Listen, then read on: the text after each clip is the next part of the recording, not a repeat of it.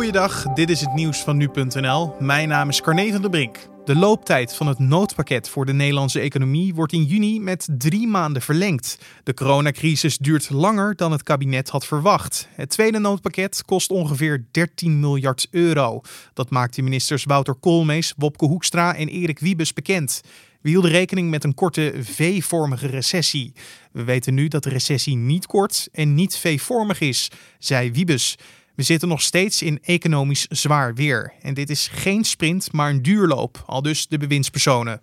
Wat er allemaal in het noodpakket staat en wat het betekent, is eigenlijk te veel om uh, zomaar op te noemen. Daarom kan je in de podcastbeschrijving een link vinden naar een samenvatting van het pakket.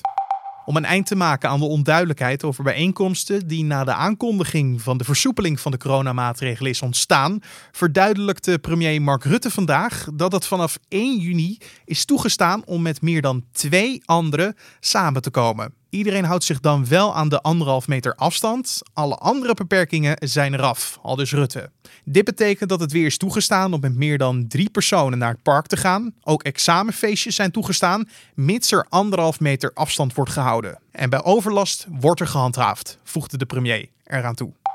Het huidige neerslagtekort is inmiddels groter dan het tekort in mei 1976, wat het droogste jaar ooit gemeten was.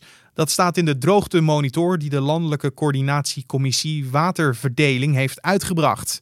Het huidige neerslagtekort bedraagt 120 milliliter. Dit betekent echter nog niet dat 2020 het droogste jaar ooit wordt. Het neerslagtekort wordt vanaf april tot en met september bijgehouden en kan dus nog kleiner of groter worden.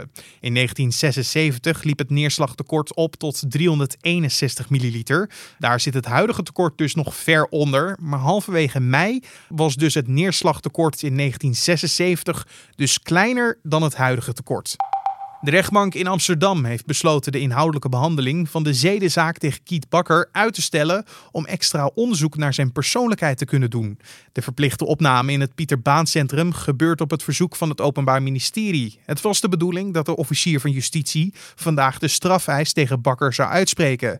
De verslavingsdeskundige wordt verdacht van seksueel misbruik van een destijds minderjarig meisje en het ondanks een beroepsverbod behandelen van vijf personen. In 2012 is Bakker ook al veroordeeld voor seksueel misbruik van vier minderjarige meisjes en drie vrouwen.